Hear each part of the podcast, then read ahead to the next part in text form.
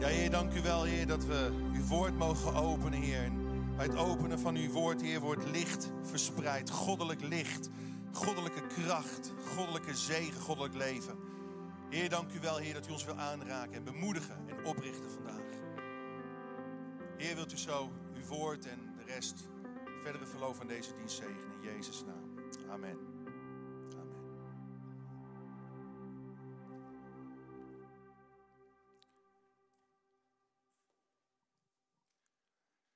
We zijn bij de eerste zaligspreking, felicitatie van Jezus aangekomen. Vorige week hebben we een hele mooie inleiding gekregen van Jelme Woudstra. En we gaan stapgewijs met elkaar, ook thuis, als je thuis bent in Heerenveen, hier in Leeuwarden, ook met de connectgroepen verder met de zaligsprekingen. Het begin van de bergreden. Het thema waar we voor gekozen hebben, het algemeen thema is gelukkig leven. Hoezo? Hoezo gelukkig leven?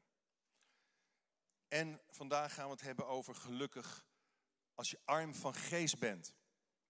Lees u mee. Nee, Jezus zegt in, in Matthäus 5, vers 3: Gelukkig wie nederig van hart zijn. De nieuwe Bijbelvertaling 21. Want voor hen is het koninkrijk van de hemel. Gelukkig wie nederig van hart zijn. Als ik, als ik dat lees, is de eerste vraag die bij me opkomt. Niet zozeer denkend aan anderen, maar hoe zit het met mezelf? Ben ik nederig van hart? En wat houdt het dan in? Wat betekent dat? Want ik wil gelukkig zijn. Wie wil er niet gelukkig zijn? Misschien ben je hier gekomen, misschien wel voor het eerst. Met, met die honger in je, in je hart, in, je, die leegte misschien wel in je leven. En je zoekt naar geluk, naar de zin van het leven, naar de betekenis van het leven. En dan ben je hier op de juiste plek aangekomen. En ook misschien als je online kijkt. Wat is geluk? We zijn allemaal op zoek naar geluk. Wat is gelukkig zijn? Verschillende mensen hebben geluk als volgt beschreven. Ik, ik ben gelukkig als ik verliefd ben. Ik ben gelukkig als ik erkenning en, en succes heb in mijn leven. Ik ben gelukkig als ik me knap of mooi voel. Ik ben gelukkig als ik financieel onafhankelijk ben en een goede baan heb. Ik ben gelukkig als. Het heeft met de als-dan gedachte te maken vaak. Als ik de geschikte partner heb gevonden. Als ik met pensioen ga straks. En deze kennen we allemaal. Als ik de lotto win, dan ben ik gelukkig, voel ik me gelukkig. En ik denk dat de meeste mensen naar geluk zoeken, maar dat in uiterlijke omstandigheden doen. In plaats van naar de interne omstandigheden te kijken. Natuurlijk hebben uiterlijke omstandigheden wel degelijk invloed op ons welbevinden. Dat kun je natuurlijk niet gaan ontkennen. En, en kunnen die ook een tijdelijk gevoel van geluk geven. Als je lekker in je vel zit omdat je uh, plezier hebt in het werk wat je doet, tuurlijk, dat, dat geeft ook een bepaalde mate van geluk. Of als je lekker in je vel bent of zit omdat je uh, net, net nieuwe kleren hebt gekocht, ja, dat geeft een bepaalde mate van geluk. Toch blijkt dat mensen vooral gelukkig worden door contact met andere mensen te hebben. En door de kracht en zingeving die ze uit hun geloof putten. En dit blijkt uit een wetenschappelijk onderzoek van de Nijmeegse sociaal psychologe Roos Vonk. En dit gaat eigenlijk in tegen de populaire gedachten van de meeste mensen. Want toch zoeken de meeste mensen geluk, zich gelukkig voelen, het in uiterlijke zaken. En ik wil een paar ziektesymptomen of ook gelukmythen van deze tijd gaan benoemen. Laten we even kijken naar twee mythen. De mythe van gelukkig zijn in deze tijd. Mythe 1, en die wil ik meteen dus ook ontkrachten, ontzenuwen, is: ik ben gelukkig, lees mee, als het leven meezit en mij toelacht. Pas dan ben ik gelukkig. Of pas dan kan ik geluk ervaren in mijn leven. Luister goed. De veronderstelling dat het leven alleen maar leuk moet zijn, dat is volgens psychiater Dirk de Wachter de ziekte van deze tijd. Het moet vooral leuk zijn. Het moet mooi zijn. Het moet aangenaam zijn. Leuk. Het moet leuk zijn. Als, als, ik, als ik dat leuk zijn niet ervaar in mijn leven, dan voel ik me niet gelukkig. Dirk de Wachter heeft zelf op dit moment kanker, is een psychiater. Maar hij, hij, hij, daagt ons uit om geluk te zoeken in gewoonheid. Of soms zelfs in verdriet en in verveling. We zijn bang voor verveling. We zijn bang tegenwoordig om, om ons te vervelen. En, en we zijn dan voortdurend bezig met, met afleidingen op te zoeken. Via onze uh, mobiele telefoontjes. Via, via misschien uh, voortdurend gamen of, of, of net, Netflix-series te kijken. En, en we kunnen niet meer omgaan met verveling. Terwijl juist als je je verveelt, kun je creativiteit ontdekken en ontwikkelen in je leven. En Salomo, de koning van Israël in het Oude Testament, ontdekte grote leegte in zijn zoektocht naar geluk. Lees mee. Hij zei: Ik zei tegen mezelf: zoek het eens in het plezier en geniet van het goede. Maar ook dat bleek ijdel, dat bleek lucht, leeg te zijn. Weet je, mensen die geluk ervaren, die denken op een manier die ze gelukkig maakt. Het heeft heel veel met je denken te maken.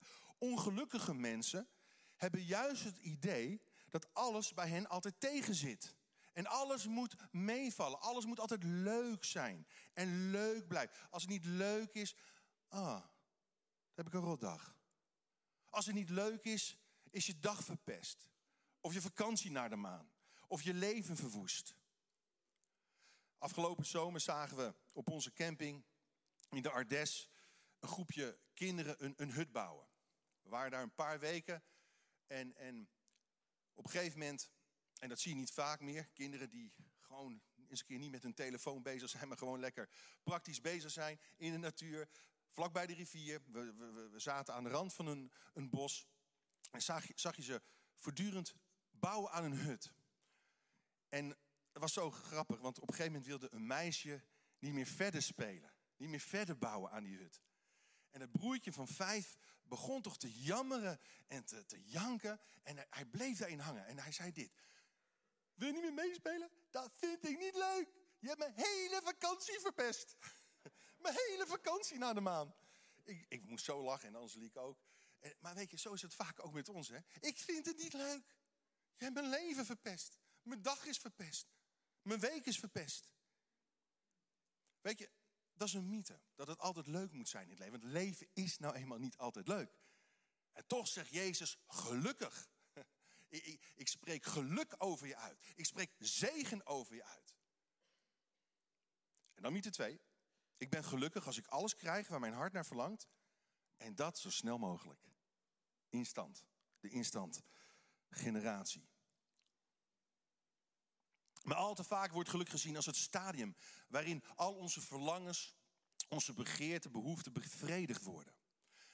En we lezen ook dat koning Salomo een van de rijkste mensen op aarde was op dat moment. Hij kon alles krijgen wat hij wilde. Hij genoot volop van het leven. Hij was de meest succesvolle man op aarde. Hij had de mooiste vrouwen om zich heen. Toch kon hij geen voldoening krijgen. Geen blijvend geluk ervaren. Het onbegrensd zoeken naar rijkdom, naar genot en naar macht werkte zelfs averechts in zijn leven. Je zou kunnen zeggen, als je boek Prediker leest, hij kwam in een soort van depressie terecht.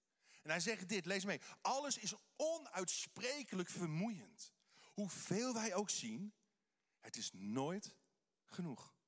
Hoeveel wij ook horen, tevreden zijn wij nooit.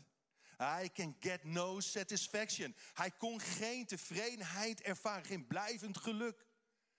Iemand zei eens dit: Wil je je rijk voelen? Tel dan je bezittingen die niet met geld te koop zijn. Je kunt geen geluk kopen. En weet je, het is trouwens een geluk dat je geluk niet kunt kopen. Want wie jij bent is oneindig veel belangrijker en waardevoller dan wat jij hebt.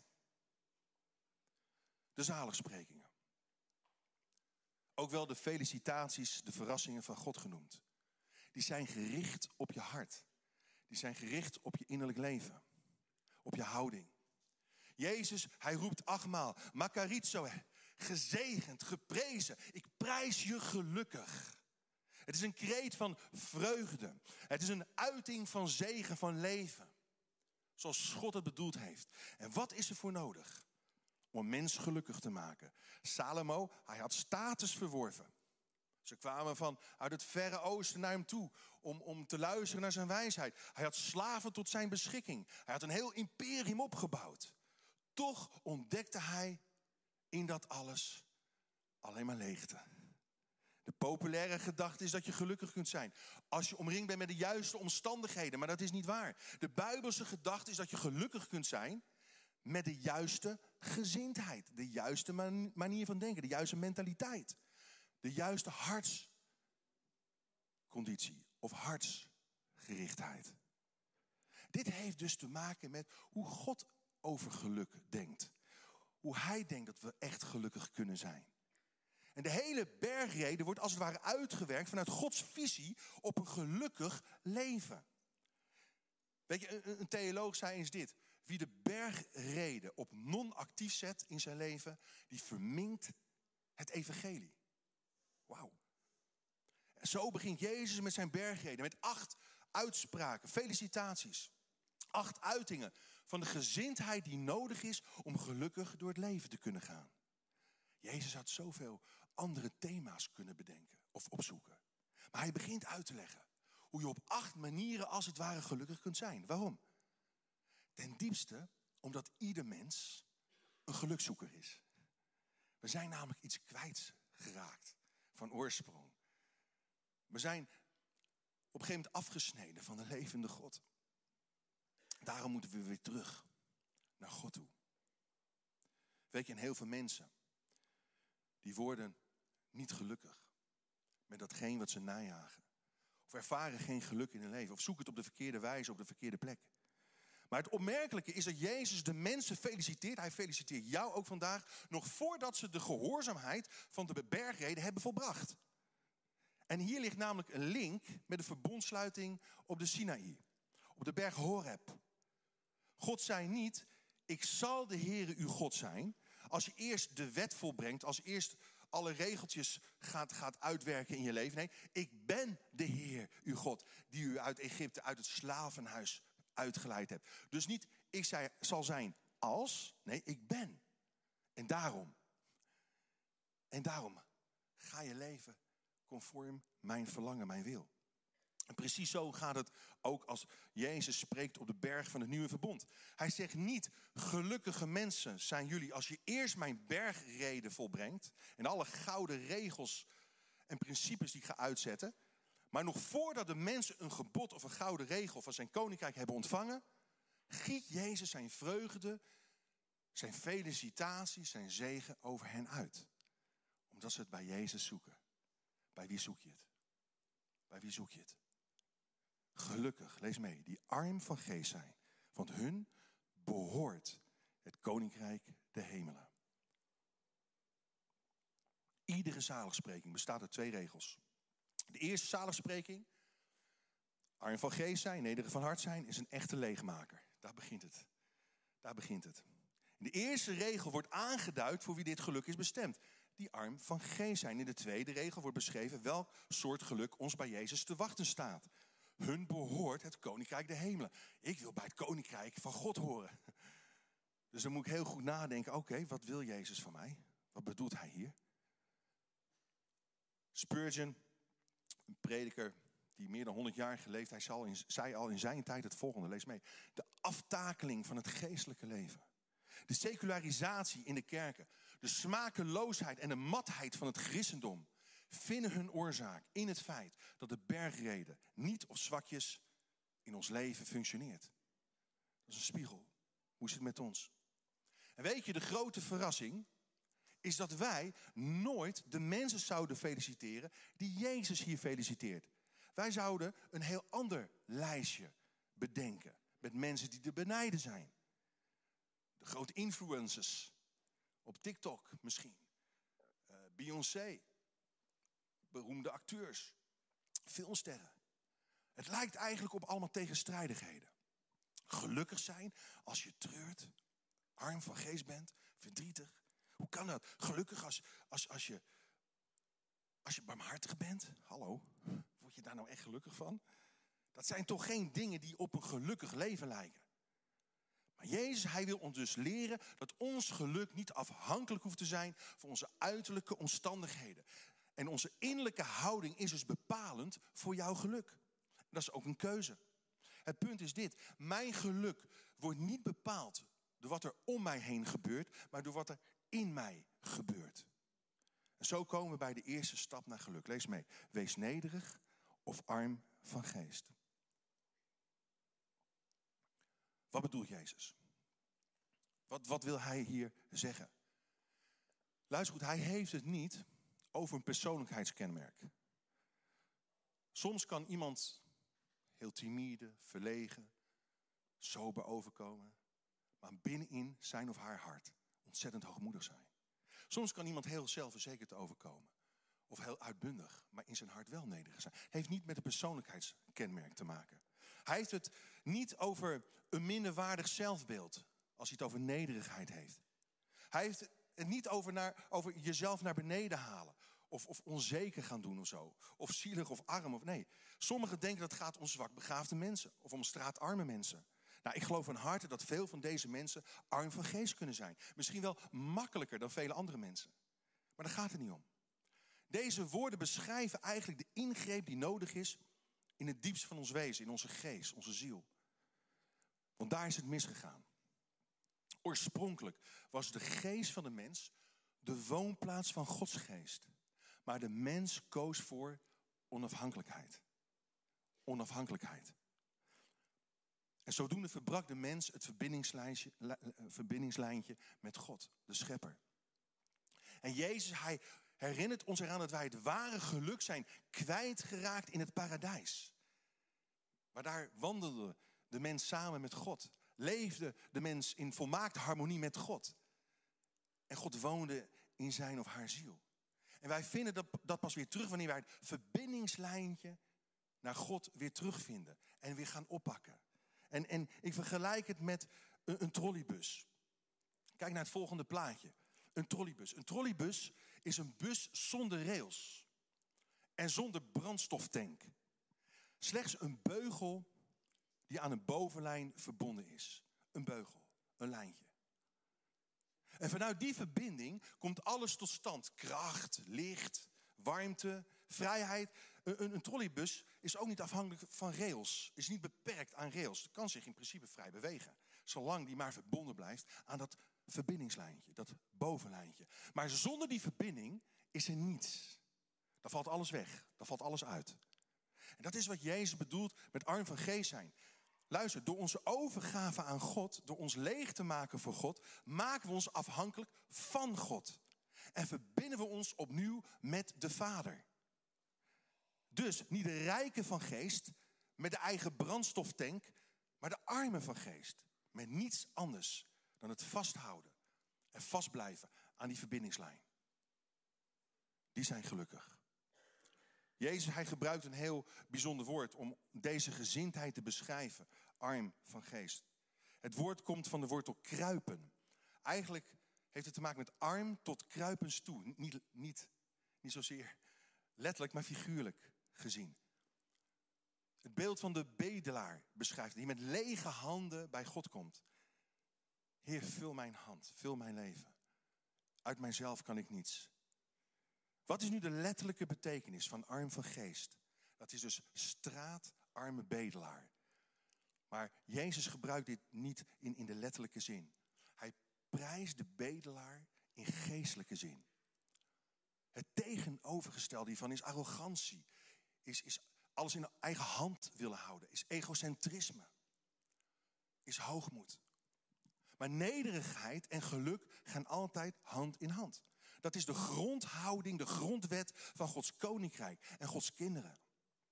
Dus de geestelijke betekenis, lees mee, van arm van geest, is zich arm weten voor God.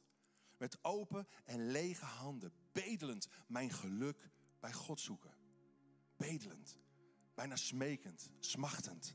Zoals een hert dat naar water smacht. Zo smacht mijn ziel naar u, o Heer. Hebben wij dat? We kunnen zo vol zijn van allerlei dingen. Hebben wij nog dat, dat bedelend verlangen? Heer, vul mijn leven. Heer, verdiep mijn leven. Heer, verrijk mijn leven. Met uw gezindheid, met uw karakter. Jezus, hij heeft over mensen die nederig zijn. Niet over mensen die zich verbeelden heel wat te zijn. Mensen die beseffen dat ze God in hun leven nodig hebben. Die zeggen, ik ben er nog niet. Ik heb het nog niet helemaal voor elkaar, maar in vertrouwen, in afhankelijkheid. Naar God toe ben ik onderweg. En weet je, nederig, heel kort, beïnvloedt mijn geluk op verschillende manieren. Allereerst, lees mee, het vermindert stress in mijn leven. Want nederigheid betekent dat je niet op de troon van God wil gaan zitten. En voortdurend over iedereen oordeel wil uitspreken. Weet je, als je denkt dat alles van jou afhangt, dat jij onmisbaar bent, raak je uitgeput. Ik hoef niet alle problemen op te lossen. Ik mag het bij God laten. Zo zei Jezus in Matthäus 11, vers 28. Kom, kom bij mij. Jullie die vermoeid zijn, onder lasten gebukt gaan. Ik zal jullie rust geven. Neem mijn juk op je en leer van mij. Ik ben wat zachtmoedig en nederig van hart. Later komen we ook de spreking zachtmoedigheid tegen. Maar nederig, dan zullen jullie werkelijk rust vinden. Dus, dus dat gaat hand in hand. Ontstressen en nederigheid gaan hand in hand. Alle lasten aan Jezus overdragen. Niet zelf alles willen dragen, naar je toe willen trekken. We kunnen onder zoveel lasten gebukt gaan. Lasten die ons spanning geven en, en onrust, zoals prestatiedrang, geldingsdrang, goedkeuringsdrang. En heel veel mensen zijn gestrest omdat ze alles in de handen willen houden. En God niet God laten zijn. Afhankelijk zijn van hoeveel likes je krijgt. Hoeveel Snapchatjes je krijgt. Ja, arm van geest zijn is dit. Ik hoef geen masker meer op te zetten om een beter voor te doen dan ik ben. Ik, ik maak me niet meer druk om indruk op andere mensen te maken. Ik sta niet meer in het middelpunt van dit universum, want Jezus staat centraal in het universum. Hij is de manager van het heelal. En dan, een ander resultaat is, lees mij, het verbetert mijn relaties. Het verbetert mijn relaties. Luister goed. Hoogmoed heeft meer kwaad gedaan in de kerkgeschiedenis dan alle verschillende inzichten en interpretaties bij elkaar. Geloof me. Waar komt toch al die strijd? Waar komen al die conflicten bij u uit voort, zegt Jacobus? En hij zegt dit, lees mee, Jacobus 4, vers 1. Is het niet uit de hartstochten die strijd leveren bij al uw doen en laten? U verlangt naar iets, maar u krijgt het niet. U bent jaloers en moordlustig, maar bereikt uw doel niet. Daarom staat er, God keert zich tegen hoogmoedigen, maar aan nederigen schenkt hij zijn genade. Dan zegt hij iets heel belangrijks waar wij heel veel moeite mee hebben. Onderwerp u dus aan God. Onderwerp u aan God. Verzet u tegen de duivel, dan zal die van u wegvluchten. Maar onderwerp je aan God. Trek dat verbindingslijntje weer aan. Zoek die kabel weer op. Met het bovenlijntje. Weet je, achter veel strijd en conflicten zit hoogmoed. En hoogmoed zet aan tot hebzucht, tot eerzucht, tot jaloezie en tot haat. Maar de remedie is onderwerping aan God. Niet jezelf opblazen, maar jezelf leegmaken. Alleen dat zet geestelijke kracht in je leven vrij. Alleen dat doet de duivel wegvluchten uit je leven. Weet je, dit is het principe. Het geheim van geestelijke kracht zit verborgen in nederigheid. Dat is de basis, dat is het begin. Het geheim van overwinning is dus ook overgave aan God. Gods kracht is beschikbaar als je erkent dat je Hem nodig hebt. En dan mag je je vrij bewegen. Maar je blijft verbonden onder de leiding van God de Vader. Laten we eerlijk zijn. Wie houdt ervan om met opgeblazen mensen om te gaan? Of met mensen die altijd alles beter weten, de bedweters. Zo was er eens een advertentie in de krant. Te koop. Volledige Encyclopedia Britannica. 45 delen voor slechts 1000 euro. Reden, niet meer nodig. Pas getrouwd, vrouw weet alles. Maar laat weer zijn. Zelfgerichte, hoogmoedige mensen stoten andere mensen af. Mensen die het altijd over zichzelf hebben, fysieke relaties. Weet je, als je nederig bent, ga je makkelijker met andere mensen om. Je hoeft niet altijd gelijk te hebben. Je hoeft niet altijd op je strepen te staan. Je kunt de twee moeilijkste woorden uitspreken. Vergeef me of help me. Of sorry, ik begrijp het ook even niet allemaal. Weet je wat nederigheid is? Niet minder of minderwaardig over jezelf denken, maar minder aan jezelf denken en meer aan anderen denken. Het is niet de bedoeling dat we trouwens elkaar nederig moeten houden. Dat is Gods werk. God houdt jou nederig, God houdt mij nederig. Op zijn manier. In onze relaties moeten we elkaar niet vernederen, maar eren en vergeven. We moeten elkaar niet beleren, maar bemoedigen en opbouwen. En juist daarin laat je zien dat je arm van geest bent. Zullen onze hoofden buigen, onze ogen sluiten. Heer Jezus, we willen ervoor kiezen, Heer, om die houding die u voorschrijft aan te nemen en te ontwikkelen. Onder uw zegen, onder uw genade. Want we kunnen het niet uit onszelf. En misschien zijn hier mensen vandaag, of mensen die thuis kijken, of mensen in Heerenveen, die dat verbindingslijntje zijn kwijtgeraakt met God. Ik daag je uit om de keuze te maken. Je weer aan te sluiten op de krachtbron. Je weer aan te sluiten op Jezus Christus, de Zoon van de levende God. Die voor jou kwam sterven, maar ook voor jou kwam opstaan. Om het in orde met jou en God te maken. Dat is het evangelie. En van daaruit ga je veranderen. Van daaruit gaat God jou vernieuwen. En mag je een nieuwe schepping zijn. Oh, ik ben wat ik ben. Door degene die zei, ik ben die ik ben. Je krijgt een nieuwe naam. Je krijgt een nieuw leven. En misschien zijn er mensen die zeggen, ja, ik, ik ben wel een kind van God. Maar ik heb het nodig om weer ten volle me over te geven aan God. Om weer dat verbindingslijntje te vernieuwen met mijn schepper, met mijn vader. Ik heb het nodig om me leeg te maken, zodat God mij kan vullen. Om dingen op te ruimen, zodat God mij kan schoonmaken en mij kan vernieuwen. Ik heb het nodig om met lege handen te komen. Mijn hand in Gods hand te leggen, zodat Hij me kan oprichten. Dan daag ik je uit om ook daarvoor te kiezen. Om die hand die God uitreikt naar jou op dit moment aan te grijpen. In Jezus' naam. Bid met mij stilletjes in je hart. Hemelse Vader, ik wil die verbindingslijn weer oppakken. Hemelse Vader, door het offer, het bloed van Jezus Christus, uw Zoon, mag ik weten dat ik een nieuw, nieuwe schepping ben kind van de levende God. Mag ik weten dat ik weer een nieuwe kans krijg om de draad weer op te pakken, in uw spoor verder te gaan.